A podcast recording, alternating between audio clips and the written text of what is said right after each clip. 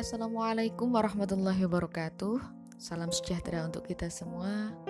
Hamdan syukran laka ya Allah Salatan wa salaman alaika ya Habibullah. Wa ala alihi wa ashabihi ajma'in amma ba'du. Para pendengar yang dirahmati Allah Pada podcast perdana saya ini Sebelumnya saya akan memperkenalkan diri. Nama saya Aina. Podcast ini akan berisi tentang artikel buku atau apa pun yang sedang saya baca yang saya akan buat audionya dalam podcast-podcast ini. Saat ini saya sedang membaca bukunya Bapak Komarudin Hidayat yang berjudul Agama Punya Seribu Nyawa. Dalam bab Allah sangat dekat dengan kita.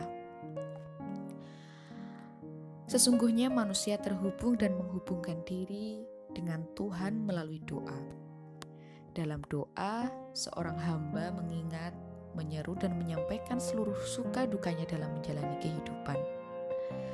Bagi orang yang beriman, umur dan hidup adalah amanah dan anugerah, sehingga sangat logis jika Tuhan menjadi sandaran terakhir tempat mengadu. Dalam agama Islam, salah satu forum untuk mengadu adalah sholat. Sholat ada sholat wajib, dan kalau belum puas di sholat wajib bisa menambah di sholat sunnah. Banyak sekali forum sholat sunnah yang diajarkan Rasulullah SAW dalam berbagai hadis yang telah disebutkan. Allah senantiasa menunggu hambanya yang mau datang beraudiensi dan bersujud padanya. Pintunya senantiasa terbuka, mengingat Allah adalah Sang Maha Pendengar, Sang Maha Menerima Tobat dan sumber semua kedamaian hidup. Sebagaimana yang telah tersurat dan tersirat dalam Asmaul Husna yang berjumlah 99. Ketika hati seorang mukmin telah dipenuhi rasa cinta dan rindu pada Allah yang Maha Kasih dan Maha Murah, maka panggilan sholat merupakan panggilan cinta, merupakan panggilan yang indah dan menggairahkan layaknya anak muda yang sedang jatuh cinta yang selalu ingin berjumpa dengan kekasihnya. Atau seperti seorang ibu yang merindukan untuk bersua anaknya yang berada jauh darinya. Dalam konteks inilah menjadi sangat mudah dipahami mengapa Rasulullah menganjurkan agar seorang muslim hendaknya sholat di awal waktu dan jangan menunda sholat.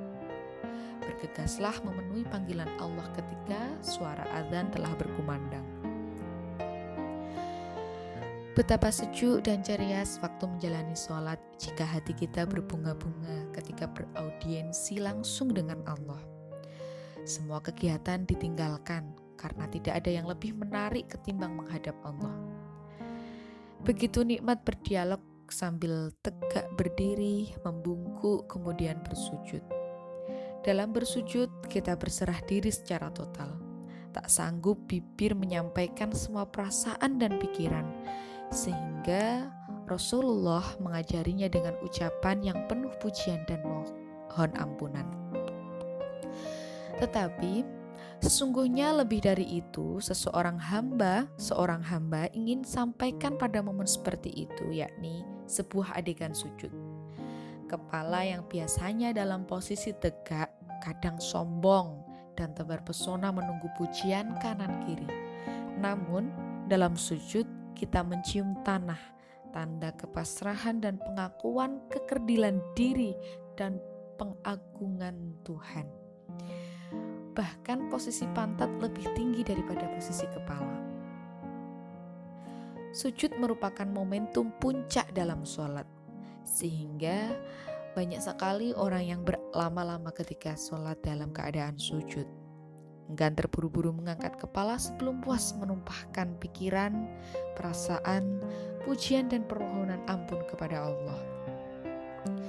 Tetapi ini hendaknya dilakukan dalam sholat sunnah saja, sebab kalau dalam sholat berjamaah bisa mengganggu suasana batin teman yang mungkin memiliki agenda lain untuk segera dituntaskan, seperti bekerja, mengerjakan tugas, atau melakukan pekerjaan lainnya. Coba hayati dan jalani. Jika kita sholat dan merasakan perasaan rindu dan cinta kepada Allah, maka kita akan betah berlama-lama merasakan aliran energi cinta dan damai darinya. Kalau itu sudah menjadi kebiasaan dan kualitas sholat kita, maka ketika mengakhiri sholat dengan salam ke kanan dan ke kiri, kita akan melanjutkan dengan menebar salam perdamaian pada siapa pun yang dekat dengan kita baik di lingkungan keluarga, lingkungan kerja, maupun lingkungan hidup kita sehari-hari. Pendeknya, mereka yang senang sholat adalah mereka yang senang menebar rasa damai bagi lingkungannya. Rasa intim dengan Allah akan semakin intens dirasakan ketika kita berada dalam bulan Ramadan. Kedekatan itu tidak saja dirasakan sewaktu sholat, tetapi juga sepanjang hari menjalani puasa. Kita sungguh merasakan kedekatan dan kehadiran Allah sehingga larangan tidak makan dan minum serta tidak berbuat keji kita taati. Dalam keadaan ringan dan gembira pastinya. Setiap saat kita merasa dalam tatapan dan limpahan kasih sayang Allah. Memang sebenarnya begitulah firman Allah Di mana pun dan kapan pun kita berada, Allah sungguh dekat dengan kita, hamba-hambanya. Bahkan lebih dekat dari urat nadi kita sendiri. Urat nadi adalah urat aliran darah yang menjadi penyangga kehidupan yang bergerak dan digerakkan oleh jantung. Itu artinya Tuhanlah yang paling dekat dan menguasai kehidupan kita dan selalu peduli pada hidup kita. Selama bulan Ramadan misalnya, kita berintim diri dengan Allah baik saat menjalani puasa, sholat tarawih maupun tadarus Al-Quran. Sungguh momen yang sangat luar biasa, momen yang sangat indah ketika kita bisa menjalani kedekatan, keintiman kepada Allah semata dengan kepasrahan. Para pendengar uh, yang dirahmati Allah, Mungkin itu yang dapat saya bacakan untuk Anda dengan sedikit ekspresi dan eksplorasi, eksplorasi yang semoga bisa dimaklumi ya.